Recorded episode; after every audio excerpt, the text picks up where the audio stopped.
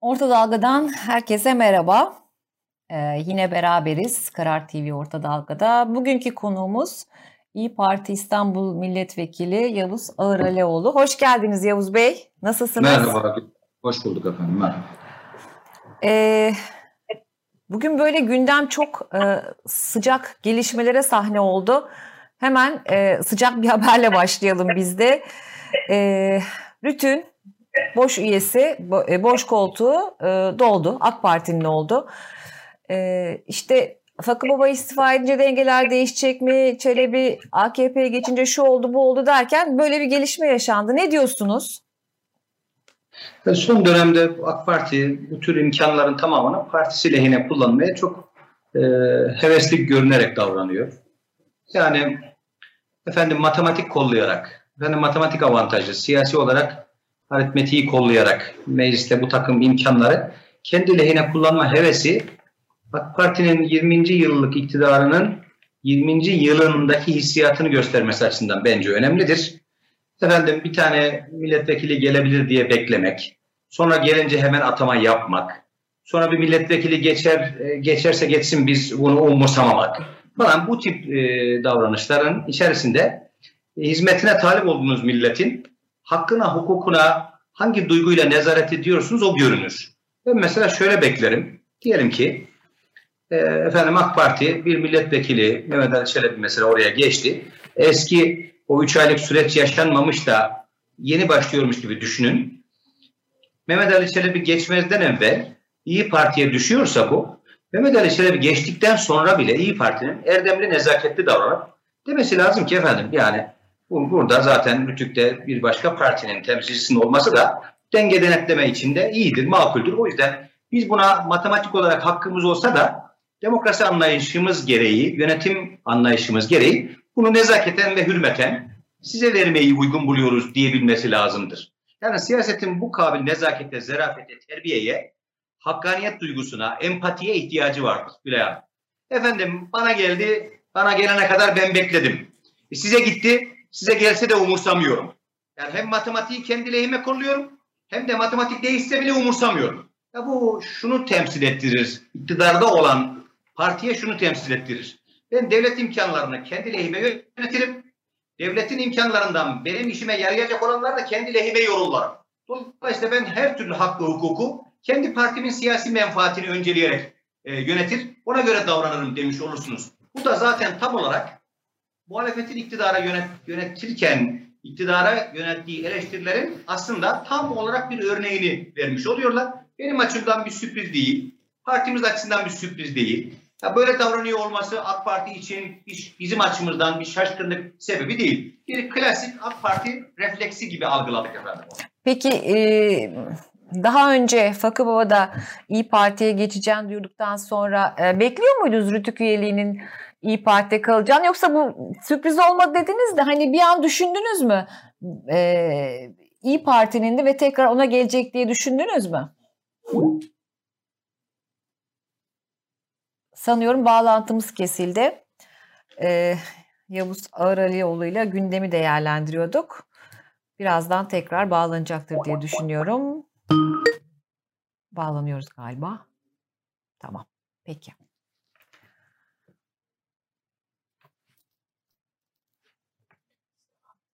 Evet. Yavuz Bey birazdan bağlanacak. Ee, Rütün boş. Ya evet, geldi. Evet.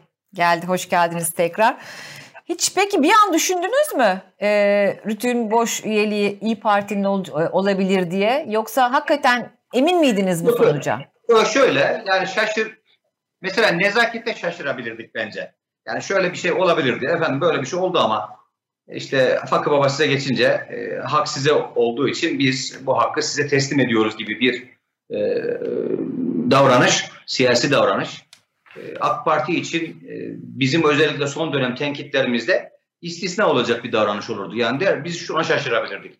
E, efendim Mehmet Ali Çelebi bize gelince e, bize geçti ama şimdi Fakı Baba e, mecbur sizde olunca bu hak size geçiyor, size veriyoruz. Bunu mesela şaşkınlıkla e, belki değerlendirebilirdik şu anda yaptıklarını değil. O yüzden e, bazen böyle oluyor. İktidarı ben AK Parti'ye yönelttiğim tenkitlerin merkezinde bir tane şu var. E, onu çok duymuşsunuzdur belki. Bu kendini devlet zannetme hastalığıdır. Devleti kendinin zannetme hastalığı. Yani devletini sizi siz kendinizi devlet zannettiniz mi? Devletin bütün imkanlarını da kendi hakkınız zannetmeye başladınız mı? Siyasetin yozlaşması için o bir mümbit alan oluşturmuş demek demektir bu. Dolayısıyla şimdi AK Parti e, yıllardır özellikle 2017 e, referandumundan sonra e, AK Parti'de partileşen, partiyi devletleştiren, devleti de partileştiren bir siyasi savunmanın içerisinde bu tercihler parti benim, partim de devletim, devlet de benim partimin, ben de bütün imkanları partim ve e, benim olduğunu inandığım devlet lehine kullanıyorum duygusu devletin yönetimine nezaret ediyor. Bu gördüğünüz küçük örnek de bunun tezahürü. Yani dolayısıyla buna şaşırmamıza şaşır, şaşırmamıza sebep olacak şey belki bu sizin dediğiniz olacaktı. Diyebilir diyebilselerdi ki efendim bu e, tekrar İyi Parti'ye e, tercih ediyoruz bunu. Hatta yarın mesela matematik tekrar değişse bile bu hakkı sizden almayacağız diyebilmeleri nezaketen bence onlara daha çok yakışırdı. Ama biz onlardan bir şey bekleyerek siyaset konuşmak yerine zaman zaman onların yaptıklarını onlara hatırlatıp biz iktidara gelirsek böyle davranmayacağız diyoruz. Diyorsun. Bunu deme imkanına dönüştürüyoruz. O ondan ibaret. Çok mühim değil yani. Peki bugün bir de e, Türk Tabipler Birliği Başkanı Şebnem Korur Fincancı e, gözaltına alındı. E, Türk Tabipler Birliği zaten uzunca bir süredir mercek altında. İşte e, Cumhurbaşkanı başındaki Türk kelimesinin kaldırılması gerektiğini söyledi. Ee, Devlet Bahçeli daha da ileri gitti, kapatılsın dedi. Bugün de böyle bir göz, gözaltı kararı var. Ne diyorsunuz Yavuz Bey buna? Şimdi e, müstakil konuşmamız gereken bazı hususlar var bu mevzuda. Yani kendi ordusunun kimyasal silah kullandığını beyan edebilmek, etmek. Terörle mücadele zeminimizin bu kadar e, devleti milleti hırpaladığı bir zamanda devletin e, vakarına, uluslararası itibarına halel getirecek beyanatlarda bulunmayı ben doğru bulmam. Yani e, efendim bir şu anda böyle siyasi münakaşaların biraz dışından bakabilirsek mevzuya Türkiye'nin başında birazcık bu mevzularda gaile büyüdüğü. Yani e, Yunanistan eskisi gibi değil daha cüretkar. Amerika 68-69 yıllık NATO hukukumuzun hilafına ve NATO hukukuna daha daha böyle cerbezeli bir şekilde e, nasıl diyeyim problem oluşturacak şekilde Yunanistan'a silah yığınağı yapıyor. Sınırlarımızın altında hiç öngöremediğimiz maalesef hariciyenin birazcık acemiliği de bunda etkili olduğu e, bir PKK devleti var. E, Ege'de bir ısınma var. Dünyada bir kabalaşma var Gülay Hanım. Yani gözümüzün önünde Kıbrı, Kırım'ı yuttu mesela Putin. Gözümüzün önünde Ukrayna'ya saldırı var. Efendim Karabağ'da bir hareketlilik var. Amerika Birleşik Devletleri Başkanı Paldır Küldür mesela e, Ermenistan'a kompliman yapmaya karar veriyor. Amerikan dışişleri yetkilileri Paldır Küldür Ermenistan'ı yüreklendirecek, cesaretlendirecek cüretiyle efendim bir takım girişimlerde bulunuyorlar. Ya dünyada bir nobranlaşma, bir sıkışma, bir itişme falan var ve bu, bu uzunca zamandır tamam bizim de e, bazı öngörüsüzlüklerimiz ödediğimiz bedeli katmerli hale getiriyor olabilir. Ama ona rağmen şunu görmezden gelemeyiz. Bu sıkışma Türk milletinin, Türk devletinin aleyhine olmaya başladı. Bayağı aleyhine olmaya başladı. O yüzden böyle netameli zamanlarda özellikle ihtimam göstermek lazım. Toplumsal beraberliğimiz, devlet gücümüz, millet varlığımız, milli beraberliğimiz, ortak noktalara yaptığımız atıflarımız bunlar kuvvetlendirilmelidir. Efendim farklı düşüneceğiz, farklı fikirlerimiz olacak ama biz e, dinimiz, dilimiz, mezhebimiz, meşrebimiz ne olursa olsun bir beraberlik zemininde devletimiz, milletimiz, bayrağımız, cumhuriyetimiz falan bu değerler etrafında birbirimize daha yakın durmayı, efendim hazinesi dolu, efendim bürokrasi güçlü, gazete, basın, demokrasi standartları yüksek, efendim fikrin, vicdanın kendisine rahatlıkla ifade imkanı bulabildiği bir zemin. Yani parmakla gösterilebilir bir ülke inşa edeceğiz ama buradaki ortaklaşma alanlarını kuvvetlendirmemiz lazım. Ben Türk Tabipler Birliği'nin bugün tartışmalara konu olan açıklamalarını makul bulmadım. Yani ordusunun kimyasal silah kullandığını söyleyebilmek ve başında Türk olan bir kurum üzerinden söyleyebilmek bu ta, bu kabil bir değerlendirmenin öznesi haline gelebilmek bence ilk defa yaptıkları bir şey de değil. Biliyorsunuz Türk Tabipler Birliği daha önce de bazı açıklamalarıyla bu tartışmaların aynı tonlamasıyla konusu oldu. Biz yayın öncesinde hasbihal ederken söyledik siyaset bir tekrardan ibaret hale geldi. İnanın bu Türk Tabipler Birliği üzerindeki münakaşalarımız da bir klasik hale gel, gelmiş tartışmalar alanı oluşturdu. Şundan dolayı daha önce de benzer bir şey oldu. Biz bu başındaki Türk ismi kaldırılsın tartışmalarına konu olacak bir şey yine tartıştık. Şimdi bu herkesin empati yapması gereken bir alansa burada empati yapması gereken insanların başında Tabipler Birliği'nin yöneticileri de geliyor. Yani bugün elimizi kolumuzu sallayarak gezebildiğimiz bu vatan, bu böyle çoluğumuzu çocuğumuzu evlendirip hayaller kurabildiğimiz bu vatan, kurumlarında, televizyonlarında gezip memleket geleceğiyle ilgili kanaatlerimizi paylaşabildiğimiz bu vatan, biz bu rahatlıkları yaparken sınır uçlarında memleketi bekleyen evlatlarımızla bize kalıyor. Dolayısıyla terörle mücadelemizi halel getirecek, ordumuza leke sürecek, uluslararası itibarımızı gölgeleyecek. Böyle ağzıma geleni aklıma geldiğim gibi söylerim heveslerinin birazcık e, te- terbiye edilmesi lazım. Hani yargı üzerinden yargıya talimat verilen bir ülke olmayalım biz. Ama biz bir taraftan da ordusunu, devletini, milletini, millet bütünlüğünü farklılıklarına rağmen mezhebine, meşrebine, diline, dinine rağmen neyse bir arada tutabilmeye özen gösterecek bir siyasi sorumluluk da taşımalıyız. O yüzden ben e, biraz dikkatli davranılması gerektiğini düşünüyorum. Evet itibarımız demokrasimizin standartlarının yüksekliğindendir. Evet itibarımız hukukun üstünlüğündendir. Evet itibarımız fikir hürriyetindendir. Evet. Evet itibarımız yargının bağımsız olduğu yerdendir ama bir taraftan da itibarımız güçlü müreffeh bir ülkeyi kurabilmemiz, devletin kurumlarıyla, efendim STK'larıyla, düşünce kuruluşlarıyla, meslek kuruluşlarıyla cürleyen büyük bir devlet olabilmemize bağlıdır. Böyle devamlı yaka paça olan, devamlı birbiriyle yaka paça olan, devamlı kurumlarını itham eden, devamlı kurumlarını töhmet altında bırakan, devamlı siyasi tartışmalarında ötekileştirilen ve enerjisini kaybeden bir ülke olmaktan yorulduk biz Gülay abi. Yani bu siyasi münakaşaların tekrarından yorulduk. Bu devlet millet tesadüdünün olmamasından yorulduk. Bu yargının tartışmaların odağında olmasından yorulduk. Efendim siyasetin parmak sallamasından yorulduk. Yargının siyasetin emrine girmesinden, siyasetin yargıya tesir etme hevesinden yorulduk. Efendim yargıya tesir ediliyor diye siyasetin bağırıp siyasi avantaj kollamasından yorulduk. Bağlantımız gene gitti. Ee, Yavuz Ağıralioğlu'yla gündemi değerlendiriyorduk. Ee, Türk Tabipler Birliği ile ilgili son gelişmeleri konuşuyorduk. Ee, Türk Tabipler Birliği Başkanı Şebnem Kurur Fincancı'nın gözaltına alınması mevzusunu konuşuyorduk. Ee, bağlandık mı? Bağlandık. Geldim. Evet. Peki Özür şimdi dilerim. aslında şey özetle anladığım şu. Yani hani e, Türk Tabipler Birliği'nin e, böyle Fincancı'nın böyle bir açıklama yapmasını doğru olmadığını düşünüyorsunuz. Doğru bulmuyoruz. Asla doğru Ama gözaltına alınma süreci de e, gerekli miydi? Ya şöyle bu işlerde siyaset tartışmanın konusu şu. Efendim e, siyaset konuşuyor, yargı siyasetin konuştuğu, konuştuklarına göre hareket ediyor algısı da devletimiz için bir problemdir. Dolayısıyla yargıyı bizim zaten şu anda hükümete yönettiğimiz eleştirilerden en önemlilerinden bir tanesi de yargının tam bağımsız hale gelebilmesi. Biliyorsunuz ki Cumhurbaşkanlığı hükümet sistemi siyasi olarak iktidara verdiği avantajla efendim HSK üzerindeki hakimiyetiyle ve hakim olduğu siyasi kuvvet ve kudret alanında kendi siyasi diskurunu kullanabilmek e, imkanlarını yargıya tesir edebileceği şekilde dizayn etmesiyle eleştirimizin odağı haline geldi. Yani biz şöyle diyoruz. Efendim siyaset bazen talimat vermez Hanım. Yani siyaset şimdi şöyle de diyemeyiz. Haksızlık etmeyelim. Telefon açıp da efendim şu kararı böyle yapın, şunu gözaltına alın demiyorlardır. Ama siyasal iklim o hale gelmiştir ki siyasetin meselelerini konuşurken kullandığı üslup böyle olunca yargı o siyasal iklimden kendi namına böyle davranmak mecburiyeti çıkarıyor olabilir. Zaten vazife siyasetçilerin vazifesi yargının böyle hissetmesinin önüne geçmek, yargının tam bağımsızlığını sağlamayı siyasi mesuliyet bilmektir.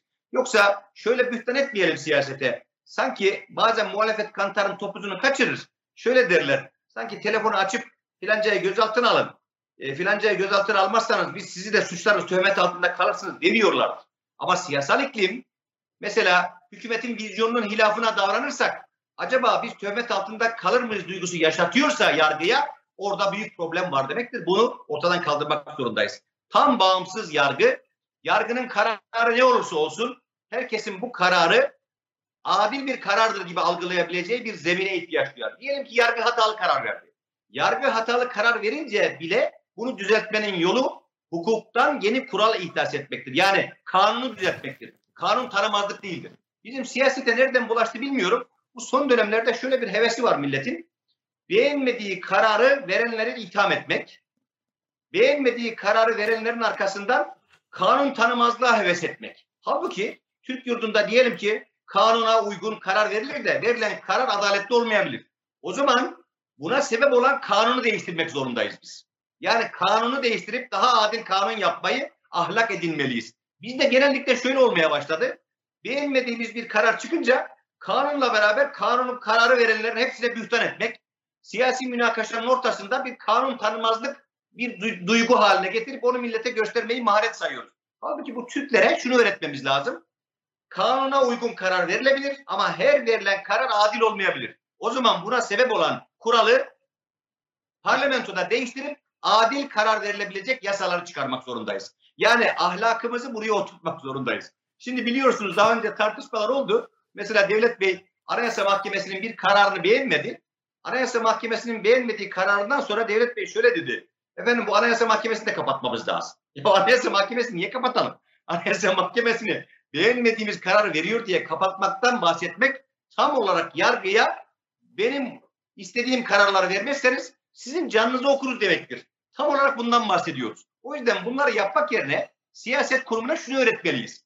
Beğenmediğimiz bir karar çıkmış ve bu karar adil olmadığı için tartıştığımız bir kararsa bu karara sebep olan adil olmayan kanunu değiştirip o kanunun yerine bizi dünya standartlarında yüksek demokrasiyle buluşturacak, efendim parmakla gösterilebilir fikir hürriyetine taşıyacak bir efendim yeni kanun çıkarmayı öğrenmeliyiz biz. Bunu yapabilmeliyiz.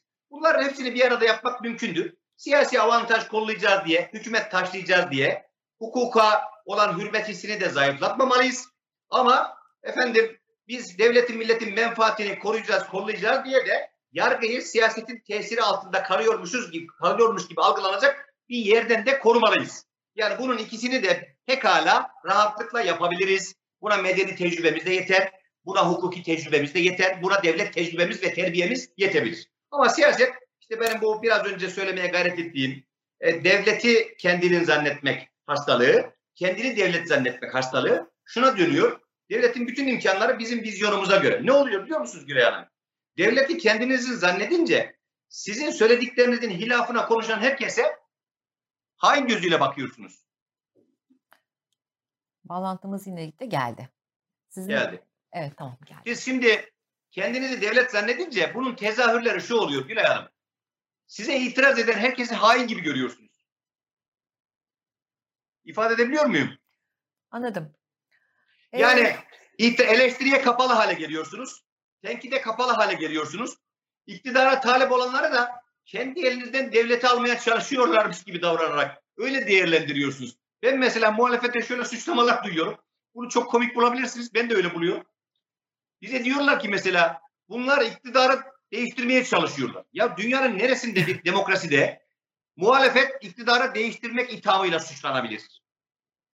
Ya bunlar mesela Tayyip Erdoğan'ın olmadığı bir ülke hayal ediyorlar diye muhalefete bir suçlama yapılabilir mi efendim? Yapılamaz. Yani muhalefet pek tabii ki koltuğa Tayyip Bey'le beraber oturmayacağına göre Tayyip Bey'i oradan kaldırmalıdır ki oraya oturabilsin. Allah Allah. Yani böyle bir suçlama olabilir mi yani? Şimdi bu niçin oluyor bu suçlama? Bu suçlamanın sebebi kendini devlet zannettin mi? Sana itiraz eden herkesi de devlete itiraz ediyor zannediyorsun. Halbuki biz devleti değil, devletin yönetimindeki maharetsizliğe itiraz ediyoruz efendim. O yüzden bu, bu süreci atlatacağız. Bu zaten vazifeleri devletin, milletin hizmetinde olmak olan iktidarlar milletine verdikleri sözleri tutamazlarsa demokrasi, hukukun üstünlüğü, yargı bağımsızlığı, yasamanın etkinliği ve yürütmenin denetlenmesi gibi temel ilkeler alanında milletlerine verdikleri sözleri tutamazlarsa muhalefet bunları yapmak iddiasıyla milletin umudunun karşısına çıkar. Bu yaşadığımız süreç bundan ibarettir. AK Parti verdiği sözleri tutamadı gibi duruyor. AK Parti programında milletine gerçekleştirmeyi vaat ettiği, taahhüt ettiği standartları tutturamadı. Muhalefet ben bu standartları tutturacağım.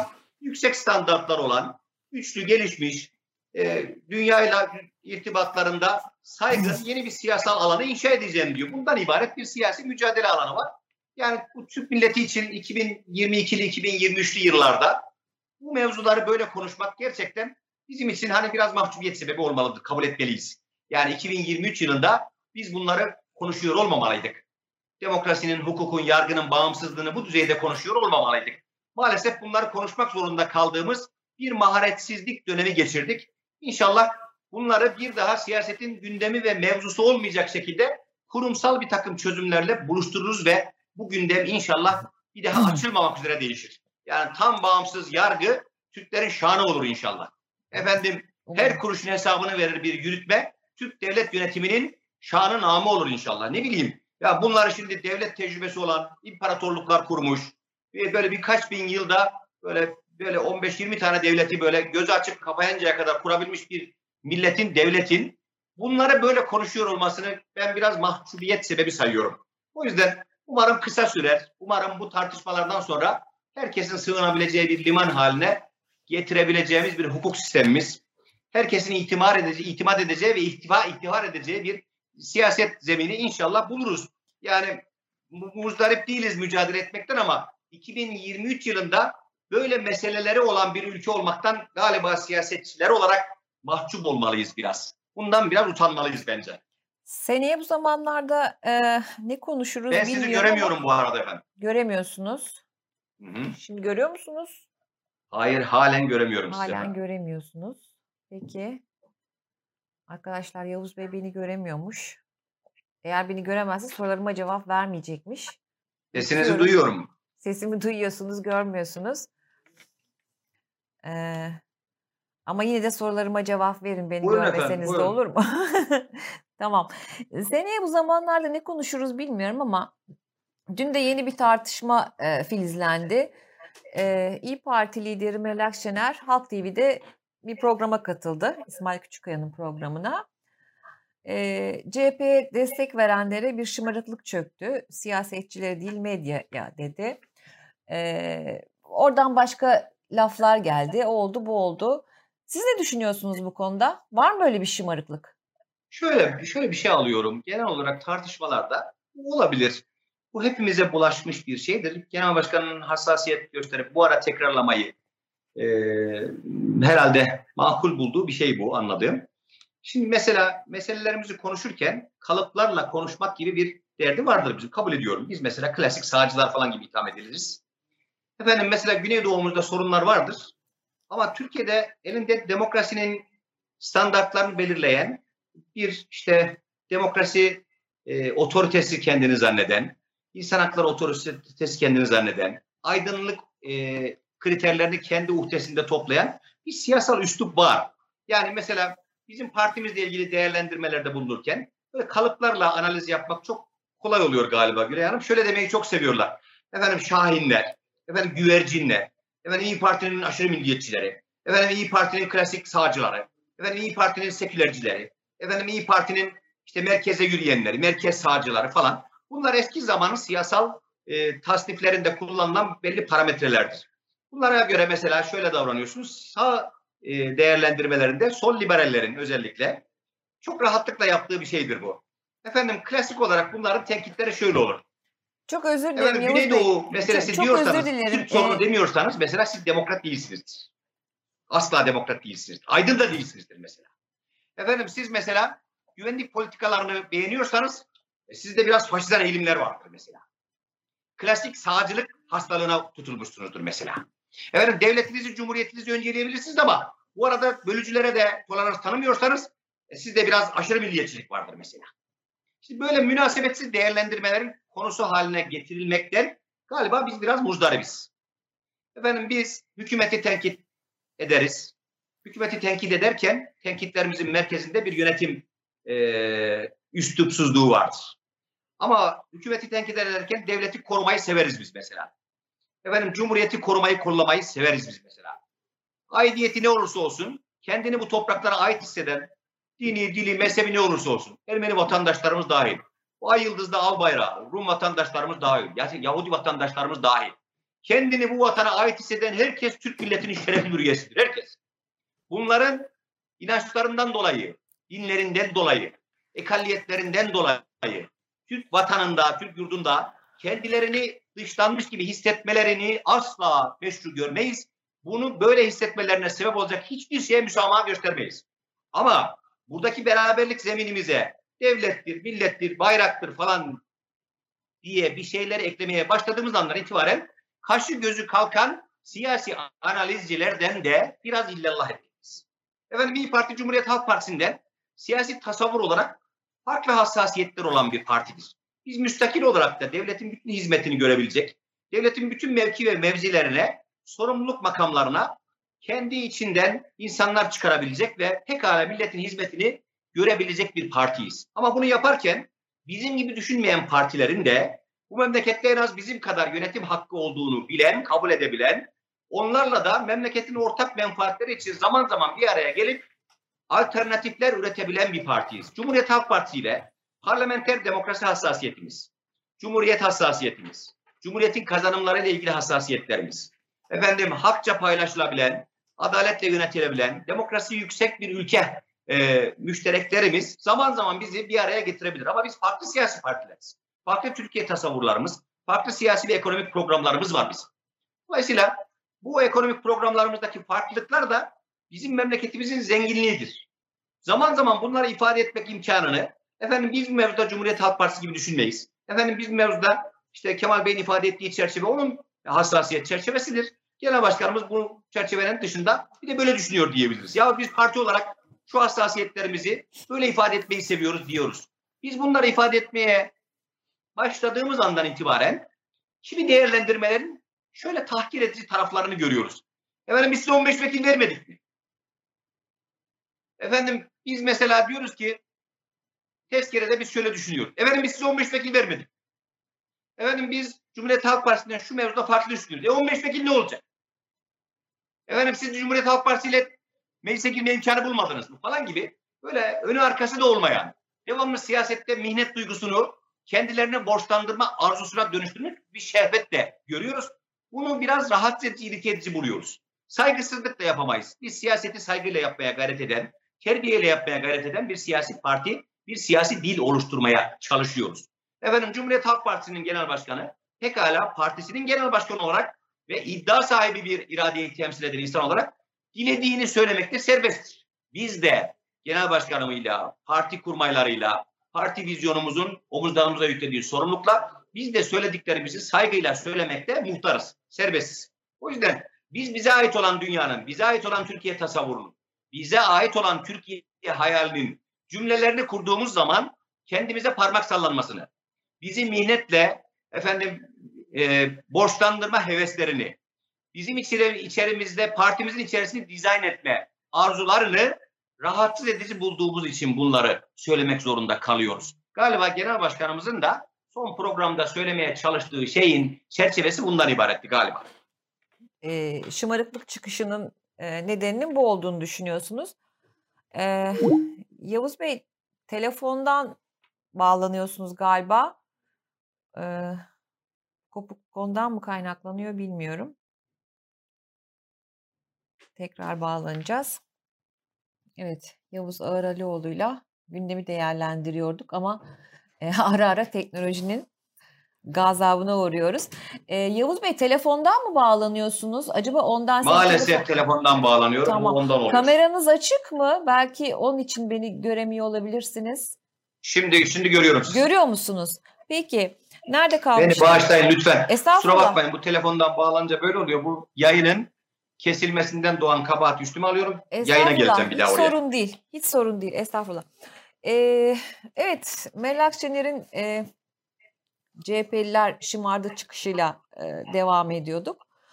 E, yani sizin de anladığım kadarıyla böyle bir e, görüşünüz var. Yani rahatsızlığımız var bir ama hani bunu şöyle mevzu etmiyoruz Gülay Hanım. Şöyle şöyle algılanmasın. Hani memleketin bunca derdik ailesi varken biz kendimize yapılan nezaketsizlik üzerinden falan bunları konuşacak, mevzu edecek durumda değiliz ama zaman zaman hatırlatılmak e, hatırlatılmak Biz yine koptuk. Nazar mı değdi? Ne oldu ya? Ee, tekrar bağlanacağız. Bugün böyle bir şey oldu. Daha e, devam ediyoruz. Sorularımız var Yavuz Bey'e. Hatırlatmanın hani böyle zannedilmesin ki bir problem var. Bu problemleri işte biz büyütmek falan da heves taşımayız. Bu problem de değil bu bizim için ama. Ama zannediliyor. Şunun, şunun yani... göz önünde bulundurulması lazım Gülay Hanımcığım. Bizim esas hassasiyetimiz şu. Memleket yöneteceğiz ve hizmetine talip olduğumuz memleketin pek çok problemi var. Şimdi mesela biz hükümete ne diyoruz? Tahammülsüz. Efendim farklılıklara, farklı renklere, farklı seslere, farklı fikriyatlara karşı empati yoksunluğu var. Efendim kurumsal olarak kimliklerimize saygı duy, doğru dürüst saygı duymayı beceremiyorlar falan. Şimdi böyle iktidara böyle tenkitte bulunan muhalefetin İyi Parti'nin kurumsal kimliğine, İyi Parti'nin siyasi vizyonuna, İyi Parti'nin siyasi diline, İyi Parti'nin siyasi koordinatlarına karşı hükümete yönettiği tenkitlerin aklında tutularak hassasiyetle davranılması gerektiğini düşünüyoruz. Yani hükümete tenkitte bulunuyorsunuz, aynı şeyi İyi Parti'ye yapıyorsunuz. Dolayısıyla bunu doğru bulmuyoruz. Ee, onunla ilgili genel başkan hatırlatmış zannediyorum odur yani. Hassasiyet çerçevesi ondan ibarettir. Evet ama bir de şöyle bir şey var. Ee, yani mevcut iktidarın değişmesini isteyen e, seçmen de altılı partideki en ufak bir e, tartışmada ya da işte farklı görüşler ortaya konduğunda hele bu birazcık da hararetli bir şekilde tartışılıyorsa e, yani herhalde siz de çok duyuyorsunuz. Ben de etrafımda çok duyuyorum. Eyvah altılı e, masa dağılıyor mu? Yani böyle bir de seçmen doğru, de doğru. böyle bir karşılığı doğru, doğru var. Doğru bir endişe bu. Doğru bir endişe. O yüzden belki de hani e, altılı masayı oluşturan e, liderlere ve e, o partilerde siyaset yapan sizlere de çok iş düşüyor. Çünkü e, gerçekten böyle bir endişe var. Şöyle bunu görüyoruz da esas aslında bu bizim biz milletin huzurunda görücü değiliz. Biz görücüye çıktık. Şimdi bir arada duran partilere bakın. Bütün bu partilerin Türkiye tasavvurları birbirlerinden farklı. Saadet Partisi, Tabii Demokrat ki. Parti, işte DEVA, Gelecek, efendim CHP, biz. Şimdi bizim siyasi tasavvurlarımız farklı, siyasi koordinatlarımız birbirimizden farklı biliyorsunuz. Biz millet huzurunda da görücüye çıkmış olduk. İktidar alternatif olmaya gayret ediyoruz. Bir cihetten yapmaya çalıştığımız şey şu. Biz milletin gözlerinin önünde farklılıklarımızla bir arada durabiliyor. Farklılıklarımıza rağmen güç üretebiliyor. Farklılıklarımıza rağmen sizin menfaatiniz, milletin menfaatinin olacağı alanlarda ortaklaşabiliyor. Bazen yutkunabiliyor, bazen tahammül edebiliyor, bazen saygı gösterebiliyor. Bazen itiraz da edebilsek itirazlarımıza rağmen bu beraberliği taşıyabiliyor olmamız lazım. Şimdi buralarda bence bir problem yok. Ama milleti mesela borçlandırmaya çalışan iktidar tarafı şöyle diyor. Ya görüyorsunuz bu altılı masa ya bunlar daha hani bu mevzularda bile anlaşamıyorlar. Bunlar memlekete ne hayır dokunacak? Altı masada, altılı masada her kafadan bir ses çıkıyor gibi bir kakafoni varmış gibi bunu göstermeye heves etmiş bir iktidar dilde var. Bunu da görüyoruz. Efendim burada bizim elimizi kuvvetlendiren şöyle bir şey var Gülay Hanım. Tek sesli, herkesin aynı şeyi söylediği, hatta bir kişinin söylediğini bütün bir Cumhur İttifakı'nın tekrarladığı ahenkli diye sunulan bir yapı var Cumhur İttifakı. Gerçekten Allah var. Yani tek sesli olmak cihetiyle buna ahenk denilebiliyorsa ahenkli bir yapı. Ama bu tek sesli yapı memleketi bu hale getirdi efendim. Yani bize bu eleştiride bulunanlara ben çok rahatlıkla diyorum ki memlekette tek sesliliği temsil eden hiçbir itirazın olmadığı Sayın Cumhurbaşkanı'nın siyasi vizyonuna göre dizayn edilmiş bir Cumhur İttifakı var. Yani her şeyin büyük bir tesanütle yapıldığı bir Cumhurbaşkanlığı var ve bütün selahiyet elinde. Her istediğini kanunlaştırabilen, her kanunlaştırma teklifini kendi grup sayılarının yetmesi cihetiyle meclise getirebilen bir hakimiyet var. Şimdi siz tek başınıza memleketi abat mı ettiniz ki memlekette altılı masaya siyasi istikrarsızlık reddediyorsunuz? Dolayısıyla biz bugün itirazlarımızda konu olan bu memleket panoraması gözümüzün önünde bu dört yıllık Cumhurbaşkanlığı hükümet sisteminin tek seslilik hassasiyetinden bu hale geldi. Dolayısıyla tek sesli memlekete avat mı ettiniz ki siz çok seslilikten itiraz ediyorsunuz, muzdaripsiniz falan diyor. Ama sizin bu eleştiriniz de kıymetli bir eleştiridir. Ama ona rağmen biz bu farklılıklarımızı, efendim birbirimizin söylediklerine motomot aynı şeyi söylemeden de bir arada durabileceğimizi böyle zeminlerde de göstermek zorundayız. Yani biz mesela Milliyetçi Hareket Parti ile AK Parti arasındaki siyasi tesanüdü beğeniyor olsak biz CHP ile AK Parti ve MHP'nin yakaladığı bir ritim gibi bir ritim yakalamamız lazım. Millet bunu beğeniyor mu efendim? Yani MHP'nin AK Parti'nin dediği her şeyi kabul ettiği, AK Parti'nin MHP'nin söylediği her şeyi kabul ettiği, birbirlerine hiç itiraz etmedikleri, birbirlerinin hatalarını denetlemediklerini, birbirlerinin her söylediğini yankı odalarında çoğaltarak efendim sanki çok e, memleket hayırlı olacakmış gibi takdim ettikleri bu siyasal sistemi beğeniyorlarsa biz de aynısını yapalım. Mesela Kemal Bey söylesin, biz hemen diyelim ki ne olağanüstü bir şey söylediniz Sayın e, Kılıçdaroğlu. Efendim Cumhuriyet Halk Partisi desin ki mesela her söylediğini, biz daha Kemal Bey cümleyi bitirmeden biz parti olarak diyelim ki efendim siz ne olağanüstü e, cümleler söylüyorsun, ne kadar güzel efendim yani. Böyle dememizi bekliyorlarsa biz böyle bir şey demeyeceğiz. Onlar da bize demesinler.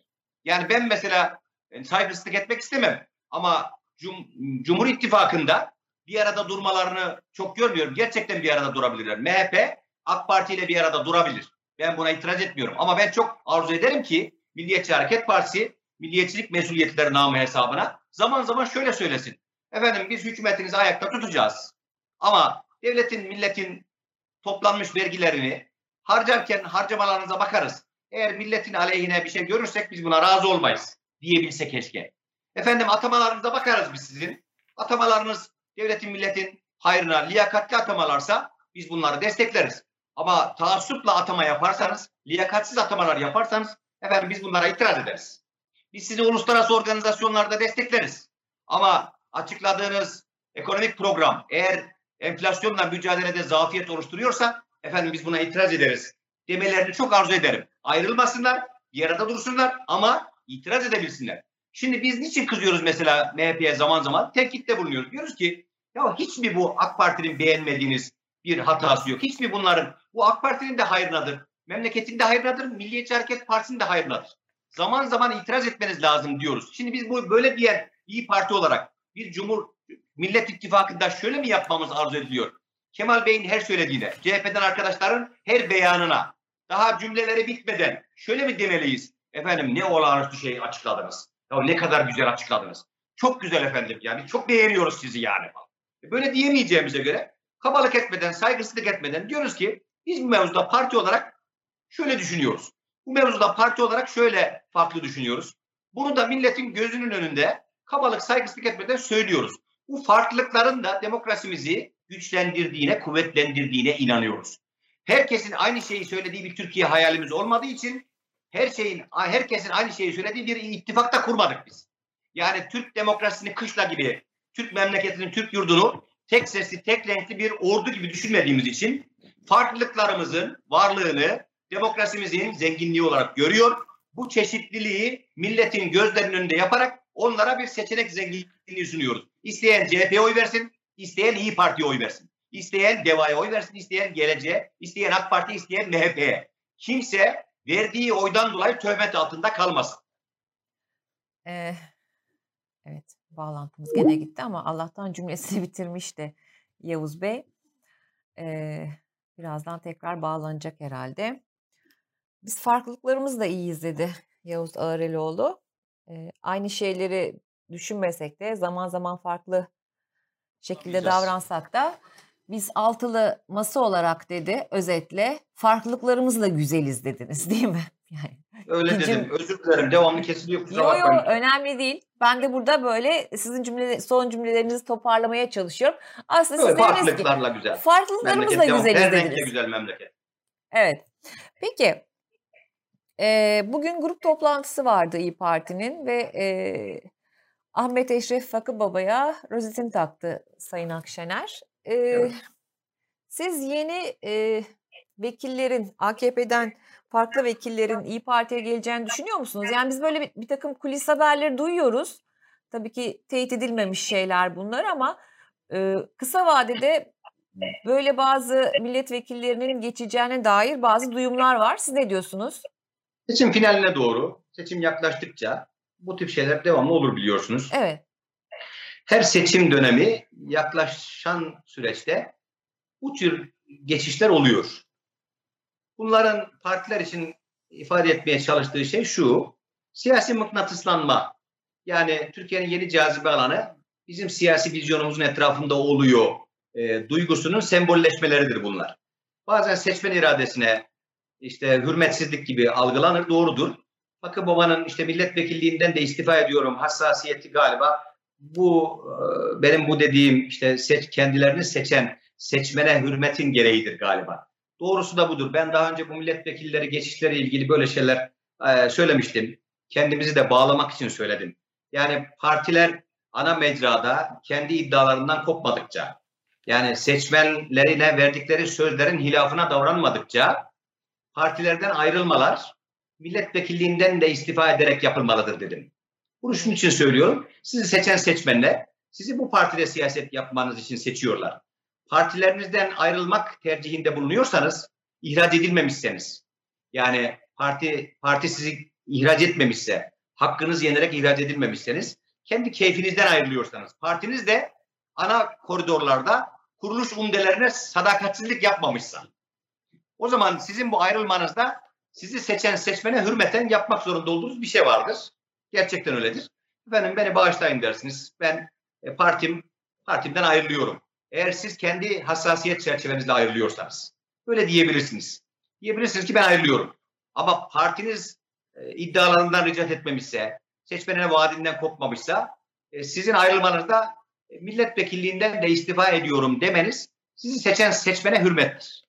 Hı hı. E, gelen parti hani milletvekili alan parti içinde bu biraz demokrasinin içerisinde biliyorsunuz böyle bu tür şeyler çok tartışıldı. Daha önce de çok konuşuldu. Orada da şunu temsil etmeye çok gayret edilir. Hürmetsizlik etmemek lazım. Biz mesela bir partiden ayrıldık. Bir partiden ayrılınca böyle kem söz etmemek. Efendim e, ayrıldığınız yapıya böyle çok bühtan etmemek, çok galiz laflar etmemek siyaset, siyaset adabındandır. 20 sene bir yerde siyaset yapıyorsanız, yaptığınız yerde her türlü makama mevkiye gelmişseniz en azından sizi 20 sene boyunca sevmiş, seçmiş, sizi her mevkiye taşımış ve hizmetinizi beklemiş insanlara da hürmetsizlik etmemeniz lazımdır. Siyaset kazanmak için her şeyin mübah görüldüğü bir alan haline geldi mi 20 sene orada dururum, bu tarafa sallarım. Şimdi de geldim bu taraftan o tarafa sallarım alanı haline geldi mi siyaset itibar kaybeder. O yüzden adabı muaşereti bırakmadan mümkün olduğunca da memleketi önceleyerek yani efendim partileri önceleyerek değil, amblemleri önceleyerek değil, sorumluluklarımızı önceleyerek siyaset konuşmak zorundayız. Bu tip şeyler olabilir mi? Seçim satında, seçim finaline doğru galiba bu tip geçişler olacaktır. Hı hı. Siyaset e, kendisini ilkeli bir yerde tahkim etmek zorunda olunan bir iştir Gülay Hanım. Kızdıklarınıza benzememek, iktidara tenkit ediyorsanız iktidara benzememek muhalefetin vazifesi. Muhalefete ithamda bulunuyorsan da muhalefetin eleştirilerinde ahlaki üstünlüğünü muhafaza etmek de iktidarın vazifesidir. Şimdi bu aradaki sarkaçla millet ümidi yönetir. İktidara bakar, muhalefete bakar. Kimi tutarlı bulursa, kimi daha iddialı ve idealist bulursa, kimi ümide yakın bulursa ona oy verecektir. Bu milletin huzurunda görücüye çıktığımız bir alandır bizim. Ama partiler biliyorsunuz ki e, bütün partiler öyledir. Yolun başındayken çok idealist oluyorlar. Yani siz henüz henüz ekranlarda sizin davet ettiğiniz yahut görebildiğiniz herhangi bir siyasetçiyi şöyle söylerken duymamışsınızdır, dinlememişsinizdir. Efendim iktidara geldiğimiz zaman memleketi soymayı planlıyoruz diyen bir parti görmezsiniz yani evelallah. Yani hiçbir parti şöyle demez. Biz gelince sizin canınızı okuyacağız. Efendim hazineyi talan etmeyi düşünüyoruz. Efendim devletin imkanlarını çoluğa çocuğa akrabaya kullandıracağız. Devletin imkanlarını peşkeş çekeceğiz falan diyen efendim bir parti gelmez. Herkes, bütün partiler adaletten, merhametten, nezaketten, terbiyeden, liyakatten, emaneti ehline vermekten, efendim hesap verebilen yürütmeden falan bahsediyorlar. Siyasete iyi başlamak kıymetlidir ama esas kıymetli olan Gülay Hanımcığım, esas kıymetli olan başladığı gibi bitirebilmektir. Zaten siyaset kurumu başladığı gibi bitiremediği için bu kadar birbirini tekrarlayan cümleleri kuruyoruz biz. Benim bu söylediğim lafların hepsini 2002 yılında, 2003 yılında, 2004 yılında Tayyip Bey'den duymuştur bu memleket. Daha önce Süleyman Bey'den duymuştur. Daha önce Özal'dan duymuştur. Daha önce Ecevit'ten duymuştur. Daha önce rahmetli Alparslan Türkeş'ten duymuştur. Bu Türk milletinin bu siyaset yoluyla düzelmek, düzeltmek falan alanı iyidir falan ama bu 100 yıldır Cumhuriyetimiz oldu kurulalı. 100. yılına gidiyoruz. Bu Anadolu'da da bin yıldır duruyoruz biz. Bu konuştuğumuz meseleleri siyasetçilerin konuşmaktan birazcık artık mahcubiyet duyma zamanları geldi de geçiyor bile. 2023 yılında bu parti geçiş geçti, iktidar oldu, adalet getireceğiz, ekonomide gelir dağılımında adalet getireceğiz, milli geliri artıracağız, üretimi istihdamı toparlayacağız falan. Bu laflar Türk milletinin 300 yıl önce bitirmek zorunda olduğu işlerdi bunlar. Türk milletinin problemi olmaktan bunlar 200-300 yıl önce çıkması lazımdı. Şimdi biz utanmadan 2023 yılında şu konuştuklarımıza bakar mısınız lütfen? Sizin yayınınızda konuk oluyoruz. Biz sizin yayınınızda keşke dünyanın dermanına, dertlerine derman olabildiğimiz başka coğrafyalar için neler yapabileceğimizi keşke konuşabilseydik. Keşke bu Türk yurdunda hukuk diye bir derdimiz olmasaydı. Demokrasi diye bir derdimiz olmasaydı. Keşke yargının bağımsızlığı bir derdimiz olmasaydı. Üretim diye bir derdimiz olmasaydı. Şunlara bakın. Konuştuklarımıza bakın. Şimdi milletvekili geçişlerini konuşuyoruz. Ne yapacağız? İyi Parti'nin siyasi olarak iktidar namzeti olmasına mehazdır bunlar. Yani aslında biz demeye çalışıyoruz ki AK Parti seçmenine, MHP seçmenine pekala orada memleket için kurduğunuz hayaller gerçekleşmemişse burada bu hayalleri gerçekleştirme imkanınız vardır. O yüzden bu geçişler AK Parti ve MHP seçmeninin de rahatlıkla buraya gelebileceğine mehas olsun diye bunu sembolleştirerek gösterdiğimiz işlerdir. Ama bunlar işte ilerleyen zamanlarda artacak mıdır? Artabilir. Artabilir ama siyaset böyle nasıl diyeyim yeni sözlerle, yeni yüzlerle daha çok. Yani 20 yıl, 25 yıl, 30 yıl daha başka partilerde başkalarının söylemediğimiz laflarla sanki ilk defasını söylüyormuşuz gibi başlanacak bir iş olmaktan da biraz çıkmalıdır. Siyaset büyük bir büyük bir enerjisi var Türk yurdunun.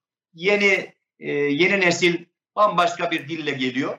Yeni neslin daha çok görünebildiği, eski tecrübelilerin de bu yeni enerjiye mihmandarlık edeceği bir siyasal iklim kurmalıyız. Ben sadece gelenler için söylemiyorum. Sadece gelenler için söylemiyorum. Şuna özen göstermeliyiz. Büyük bir nüfusun, büyük bir oranı genç olan bir memlekette siyasetin bu yaşı 70'i 75'i bulmuşlar üzerinden değil de onların tecrübelerini almış yaşı 25 ile 40 arasında olanların daha çok görünebildiği bir alan haline gelmelidir siyaset. Siz o zaman e, daha var mı sizde? Biz yavaş yavaş veda zamanlarımız yani. Öyle mi diyorsunuz? Ya öyledir yani. Şimdi Gülay Hanım yaşı bu Türk tarihinde yaşı 25 ile 40'ı geçmişten sonra yani 40'ı geçtikten sonra Türk milletine mal olmuş çok az evladı vardır bu Türk milletinin. Bu gördüğünüz anlaşanlı memleket, bu gördüğünüz koca Türk yurdu yaşları 20 ile 40 arasına gelmeden memleket için yapabilecekleri her şeyi yapmış olanların bize bıraktığı yurttur.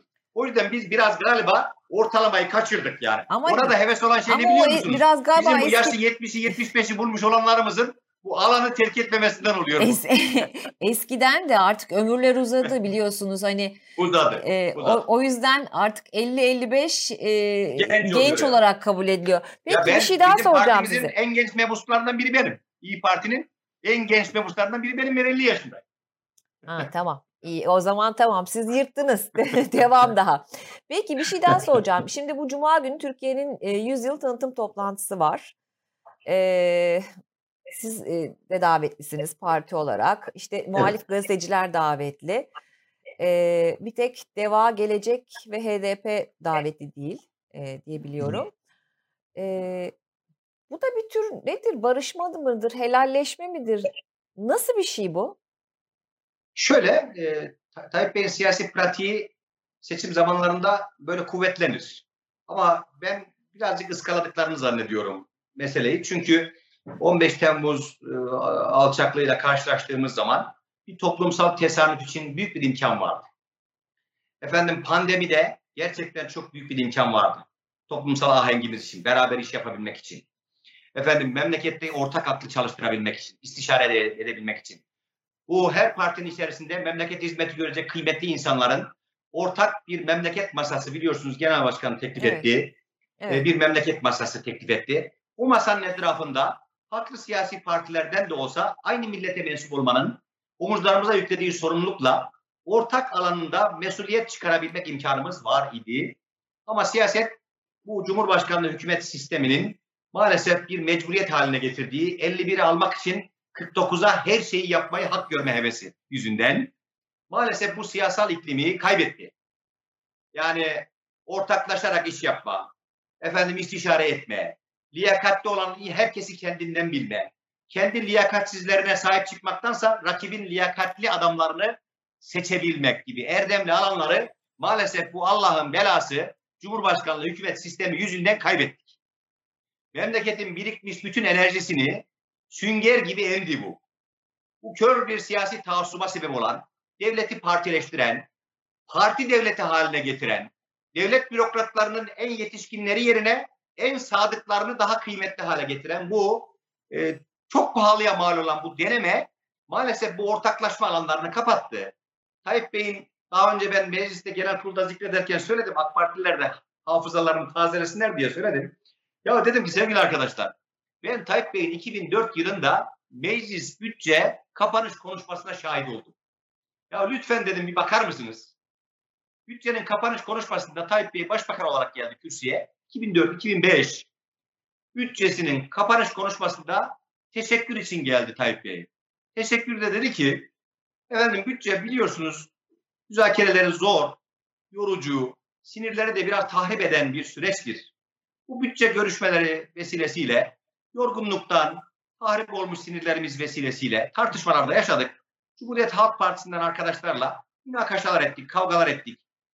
Başta onlar olmak üzere Cumhuriyet Halk Partililerden hak helalliği istiyorum. Özür dileriz. Kusurumuza bakmayın lütfen. Bu bütçeyi de bütün milletimize hayırlı olsun. Bu tartışmalar iyi tartışmalardır. Aklımızda, hafızamızda hakkımız birbirimize geçmesin. Hakkınızı helal edin diye CHP'lilere konuşma yapmış Sayın Başbakan o zaman. 2004'te. Şimdi dedim böyle bir konuşmayı böyle bir konuşmayı şimdi hayal edebiliyor musunuz siz? E belki cuma Ya o- günü olur ne biliyorsunuz? Tabii ki. Yahut mesela düşünün Levent Kırca'yı andım. Siyasi görüşlerine katılmayabilirsiniz dedim. 90'lı yıllarda hatırlayın lütfen dedim. Olacak o kadar diye bir program yapıyordu. Bizim siyasi hayatımızın içerisinde en lezzet aldığımız muhalefet programlarıydı onlar. Hı hı. Komedi şeklinde yapılıyordu. Bu programın dedim düşünün lütfen binde birini şimdi sağ olsaydı binde birini yapabilir mi Levent Kırcı acaba? Yapamaz. Şimdi düşünün yapamaz. Evet bu şunun şunun en büyük göstergesidir bu Gülay Hanım. Kaybettiğimiz şeyleri fark edemeyecek kadar siyasileşti memleket. O yüzden bu ortaklaşma ortaklaşma cümleleri kurmak güzeldir. Siyaset finale yakın da böyle şeyleri tekrarlar. Hepimiz bu- ben bu ara mesela AK Parti'den yapılan açıklamalardaki ortaklaşma duygusunu görüyorum. Hı hı. Efendim dilimiz, efendim dinimiz, mezhebimiz, meşrepimiz ne olursa olsun falan diye konuşmalar yapıyor Tayyip Bey. Şimdi ama Rütük'ü eline sıkışıyoruz. Görüyor musunuz efendim? Yani artık iktidarda olanların güzel konuşmak değil, güzel yapmak mecburiyeti vardı. Millet ümidini şöyle kesti. Güzel konuşuyorsunuz ama kabul etmemiz lazım. Güzel konuşuyorsunuz ama berbat işler yapıyorsunuz. Efendim istişareden bahsediyorsunuz. Mesela istişareden bahsediyorsunuz. İstişare bir dini emirdir aynı zamanda ama hiç istişare etmiyorsunuz. Efendim israftan bahsediyorsunuz. Gerçekten peygamber nasihatları da vardır. Dinin de yasakları vardır. Siz de dindar ve iktidarsınız ama çok israf ediyorsunuz. Efendim faizin aleyhine konuşuyorsunuz. iman da ediyorsunuz. El hak biz de iman ediyoruz. Faiz de gerçekten kötü bir şeydir. Ama Cumhuriyet tarihinin en büyük faiz ödeyen hükümeti haline geliyorsunuz. Dolayısıyla ne demeye çalışıyorum efendim Gülay Hanım? Güzel şeyler söylüyorsunuz ama berbat işler yapıyorsunuz. Yani efendim güzel konuşmalar yapıyorsunuz. 100. yıl gelecek Türkiye vizyonu. Ya bunlar güzel laflar. Efendim güçlü Türkiye, e, gayri sahibi milli hasılası yükselmiş Türkiye. Bunlardan daha güzellerini söyledi Tayyip Bey. Gülay Hanım. 500 milyar dolar ihracat. 2 trilyon dolar gayri sahibi milli hasıla. Dünyanın en saygın ülkesi. İlk ona girmiş ülke. Kişi başına 25 bin dolar milli gelir. Efendim insanların liyakatle istihdam edildiği bir ülke. İşsizliğin olmadığı bir ülke. Zekat verilecek insanın bulunamadığı bir ülke. Asgari ücretin açlık sınırı gibi insan haysiyetiyle bir araya gelmez laflarla belirlenmediği bir ülke. Ne laflar? Ne güzel laflar. Ne güzel sözler verildi. Şimdi bu güzel sözlerin hilafına bizim bizi mesuliyet altına getiren şey ne? Bu söylenenlerin hiçbirisi yapılamadı. Siz şimdi gelecek Türkiye vizyonu diyorsunuz. Ortaklaşma diyorsunuz. istişare diyorsunuz. Farklılıklara tahammül diyorsunuz. Bir rütük üyeliğini İyi Parti ile paylaşamıyorsunuz. Onun için diyorsunuz Dolayısıyla vi- güzel vizyon dinlemeye de gitmeyiz diyorsunuz. Bunu samimi bulmuyorsunuz bu çağrıyı. Güzel- Güzel sözlerle yürünecek yol bitti. Artık iktidarda güzel söz söyleyen değil, güzel iş yapanlar lazım. Bize güzel konuşacak insanlar lazım değil artık. Ben şöyle hani siyasi olarak ben kelamı bir siyasi silah gibi kullanabilmeyi başarabilen bir milletvekiliyim galiba. Ama hani biraz da iltifatla söyleyeyim. Siyaset tarihimiz Tayyip Bey gibi az hatip görmüştür. E, Tayyip Bey'den daha iyi konuşmak, iddiasında bulunmak herhalde siyasetçilerin çoğu için tercih edilebilen bir şey değildir. Ama Tayyip Bey güzel konuşarak memleketi bu hale getirdi. Güzel konuşmak memleketi ayağa kaldırsaydı Tayyip Bey'in konuşmalarıyla biz bir masal ülkesi olmamız lazım. Şu anda parmakla gösterilebilir bir masal ülkesi. Herkesin mutlu mesut olduğu, herkesin zengin olduğu, herkesin iyi eğitim aldığı. Yani adeta masallara konu olacak bir ülkeyi bu güçlü hitabet bize kurabilmeliydi Gülay Hanım. Ama kuramadılar. Evet. Programın sonuna doğru gelirken bir kez daha koptuk ama bir sorum daha var Yavuz Bey'e. Ee, Allah'tan koptuktan sonra kısa sürede bağlanıyoruz. Yoksa şarkı söylerim. Bu da çok tehlikeli bir durum olabilir. Ee, anladığım kadarıyla Türkiye'nin 100 yılı tanıtım toplantısına İyi Parti katılmayacak. Ee, öyle anlıyorum. Yavuz Bey diyor ki güzel lafların devri geçti diyor. Güzel işler yapmak gerekiyor artık diyor. Ben de e, yayın koptukça sizin cümlelerinizi tekrarlıyorum. Ya da diyorum şarkı söyleyeceğim ama orası çok tehlikeli olur tabii. E, şimdi anladığım kadarıyla bu toplantıya katılmayacak İyi Parti. Genel Başkan ne katılıyorum. Yani Halk TV'de TOG'a e, ben katılamayacağım programım var. E, Koray Bey gidecek dedi. İsmail Tatlıoğlu Bey de bir yere katılacak dedi ama ben kaçırdım. Yani bilmiyorum gidilecek mi bilmiyorum. Peki. Onu göreceğiz e, zaten e, bir gün sonra Cuma günü. Peki size son e, bir soru sormak istiyorum. Aslında süremizi açtık ama yayın koptuğu için hala biraz dakikamız olduğunu düşünüyorum. Diyelim ki altılı masaya muhalefet edeceksiniz. Eğer öyle bir şey yapacak olsaydınız altılı masayı neyle eleştirirdiniz? Altılı masaya muhalefet edecek olsam şöyle e, ben bunu söylüyorum. E, AK Parti 2002 yılında hükümetin kendilerinden önceki hükümetin yapıp yapamadıklarına itirazla bir program açıkladı. Geçen gün bir AK Parti kurmayıyla tevafuk ettim. E, ismini söylemeyeyim, hürmetsizlik olmasın. Eski bakanlarımızdan, AK Parti kurucularından birisi. Biraz daha detay verirseniz belki çıkarırız kim olduğunu. Dedi ki e, nasıl gidiyor? Bu sizin sorduğunuz soruyla birleşik bir şey. Dedim ki şöyle gidiyor. Aslında çok verimli değiliz. Biz muhalefet olarak çok verimli değiliz. Verimli Niçin değiliz verimli dediniz. değiliz? Hı-hı. Şundan dolayı verimli değiliz. Eğer AK Parti 2002'deki programını kendine karşı açıklasın bugün %75-80 alır. AK Parti'nin 2002 programı bugün AK Parti'ye karşı açıklansın inandırabilme ve memleketi toparlayabilme imkanıyla buluşmuş bir kadro benzer bir programla %75-80 almalıdır. Gülay Hanım e, ifade edebildim mi? Evet. Yani bizim AK Parti kadar memlekete vaat ettiklerinin uzağına düşmüş. Memleketi bu hayat pahalılığı, bu enflasyon, bu Türk, Türk parasındaki değer kaybı, bu satın alma gücündeki azalma, bu efendim e, yaşam standartlarındaki bozulma, bu devlet kurumlarındaki aşınma, Bunların hepsini üst üste ekleyin lütfen. Bu bütün bunlar eklenince muhalefetin milletin umudu olmak kastıyla %75-80'leri bulması içten bile değildir. Halen muhalefet kazanabiliriz. Acaba kazanabilir miyiz? Acaba %51 alabilir miyiz? Falan gibi bir takım değerlendirmeleri konu oluyorsa, konusu oluyorsa.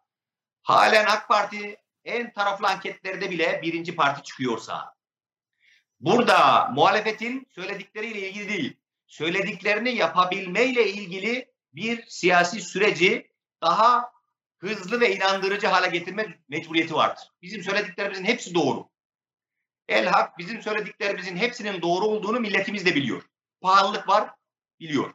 Yolsuzluk var biliyor. Yoksulluk var biliyor. Satın alma gücümüz azaldı biliyor. Enflasyon var biliyor. Çiftçiler geçinemiyor, tarladan ürünü kaldıramıyor biliyor. Emekliler yaşayamıyor biliyor. Çocuklarımız iş bulamıyor biliyor. Efendim çocuklarımız yurt dışına gidiyor biliyor.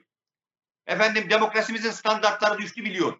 Fikir ve ifade hürriyetinde gerilere düştü biliyor. Yani biz aslında muhalefet olarak her söylediğimizin doğru olduğunu millet biliyor. Ona rağmen biz niçin şu anda mesela AK Parti hatasıyla hatasıyla değerlendirilsin. Bence AK Parti bu kadar hatayla yüzde beş bile oy alamaz normal demokrasilerde. Güçlü bir muhalefetin olduğu yerde. Alamamalıdır. Ama halen AK Parti mevcut partiler içerisinde en çok oy alan partiler arasında zikrediliyorsa bu AK Parti'nin değil bizim sorumluluğumuzdan kaynaklanmaktadır. Yani yani söylediklerini yapabileceğine inandırmaktır siyasetin vazifesi. Burada siyasi sıkıştığımız, siyasetten sıkıştığımız alanlar var. Efendim seçmen tercihlerinde başka kriterler önemli hale geliyor Gülay Hanım. Ne oluyor mesela? Sizin söylediklerinizi itibarlı buluyor, bazen durduğunuz yere itiraz ediyor. Bazen partnerlerinize itiraz ediyor. Bazen beraberliğinize itiraz ediyor. Bazen tek başına ben amblemini gördüğüm bir partiye oy vermek istiyorum. İttifaklara oy vermek istemiyorum diyor mesela. Bu seçim sisteminin de beraberinde getirdiği, Cumhurbaşkanlığı hükümet sisteminin de beraberinde getirdiği bir takım komplikasyonları da yaşıyoruz. Ama ona rağmen ben e, iktidarın bir ka- kabahati varsa bile bu kabahatler iktidarın muhalefete e, iktidarı devretmek e, anlamına gelecek kabahatleridir. Yani ben şöyle görüyorum. Nasıl bunu sembolleştirebilirim bilmiyorum ama herhalde şöyle demeliyim. Sayın Cumhurbaşkanı memleketi muhalefete vermek için her şeyi yapıyor. Ama biz memleketi Tayyip Bey'den almak için pek bir şey yapamıyoruz gibi duruyor. Yani adeta bazı konuşmalara bakıyorum. Bizim e, milletvekili düzeyinde bazı açıklamalara bakıyorum. Hani Cumhur İttifakı'nın içerisinde. E, ağzına geleni aklına geldiği gibi söyleme hevesinde olan ve bu söyledikleriyle AK Parti'ye avantaj sağlayanları kastederek söylüyorum. Tayyip Bey memleketi benden alsınlar diye uğraşıyor. Bu bazı konuşan arkadaşlar da uğraşıyorlar ki efendim biz bir dönem daha kalın ya. Hı hı. Dolayısıyla dikkatli özenli olmak zorundayız. Ümidi yöneten iktidar olur. Henüz biz millete söylediklerimizin yani ümit tarafını AK Parti'ye ve MHP'ye oy veren seçmenler özelinde büyük bir siyasi kuvvetle henüz buluşturamadık. Buluşturacağız. Her geçen gün büyüyoruz. Bunu başarmak zorundayız. Hükümetlerin karşısında muhalefeti güçlendiren şey şudur Gülay Hanım. Efendim Meral Akşener iktidar iddiası taşıyan ve memleketi toparlamak iradesiyle görünen bir partinin genel başkanı olarak. Kemal Bey de dahil diğer parti, muhalefet partileri herkes için dahildir bu, bu söylediğim. Ucuz kredi demek olmalıdır. İstihdam demek olmalıdır. Tarladaki ürünün hakkını verebilmek kabiliyeti demek olmalıdır. Çocuklarımız için iş demek olmalıdır. İyi eğitim demek olmalıdır. Efendim emeklilerimiz için haysiyetlerine uygun bir yaşam standardı demek olmalıdır. Öğretmenlerimiz için hak ettiklerini almak olmalıdır. Esnaf için destek demek olmalıdır. Efendim iş adamları için ucuz finansman demek olmalıdır. Demek istiyorum ki sadece doğruları söylemek yetmez. Söylediği doğrularla memleketin daha yaşanabilir hale gelmesi için ümit, imkan, hukuk, hak, güvence, destek, bütün bunları yönetebilme mahareti demek olmalıdır muhalefet. Evet, AK Parti memleketi vaat ettiklerinin çok uzağına düşürdü. Evet, hatırı sayılır bir enflasyon, tahammül edilmez bir pahalılık, yaşanamaz bir ülke durumundadır. Ama ona rağmen halen AK Parti meydanlarda gezebiliyor ve ümit vermek iddiasıyla bir takım şeyleri deniyorsa muhalefet henüz dört başı mamur bir siyasal değil, dört başı mamur bir Türkiye tasavvuru, dört başı mamur bir programı sunamadı halka diyorsunuz. Dönüştürememiş demektir henüz. Hı. Ama büyüyoruz. Yani yüzde onla aldığımız bir eşikten biz mesela siyaseti yüzde yirmilere taşıyoruz. Birinci parti çıkma iddiamızı İyi seçmenin parti. kalbine doğru taçlandırmaya gayret ediyoruz. Ama nihayetinde seçmen patrondur. Meral Hanım çok hassasiyetle bu gezilerinin merkezine bu cümleyi koydu. Seçmen patrondur. Kimi yönetsin isteğiyle başa getirirse seçmeniz hakkıyla, patronluğuyla baş tacı etmek de bizim boynumuzun borcudur. Bu muhalefete yöneteceğim benim herhalde masaya. Eleştiri bu olur masaya, diyorsunuz. Bize, yani kendimize e... en büyük eleştirim bence budur. Bu da bizim sorumluluğumuzdur. Yani genel başkanımız dahil herkes bunu böyle konuşuyor, böyle diyor. Gayret ediyoruz. Yani bu nihayetinde biz sadece biz doğru söylüyoruz. Başka herkes yanlış şeyler söylüyor. Asabiyetine de gerek yok. Bizim çok kıymetli arkadaşlarımız var ve memleketi yöneteceğiz. Evet. Ama memlekette çok kıymetli insanlar var ve biz bunların hepsinin memleket hizmetinde buluşacağı bir siyasal aklı da temsil ediyoruz. Peki. Yavuz Bey, e, daha bir sürü sorun vardı. E, ama Çok kaldı. uzun konuştum ben galiba. Elif Hanım'ı dinlemedik Önemli değil. buluyor. Önemli değil. Bir dahaki sefere de diğer maddeleri konuşuruz inşallah. Mazur görün lütfen beni. Estağfurullah. Çok teşekkür ediyorum katıldığınız Çok teşekkür için. ediyorum. Yavuz Güzel günlerde Aralioğlu, görüşürüz İYİ. Parti İstanbul Milletvekili. Hoşçakalın. Evet. Orta Dalga'da bugün birazcık daha sanıyorum e, 40 dakikadan uzun buradaydık. Kopuşlar mopuşlar derken. E, tekrar görüşmek üzere diyorum. Şimdilik hoşçakalın.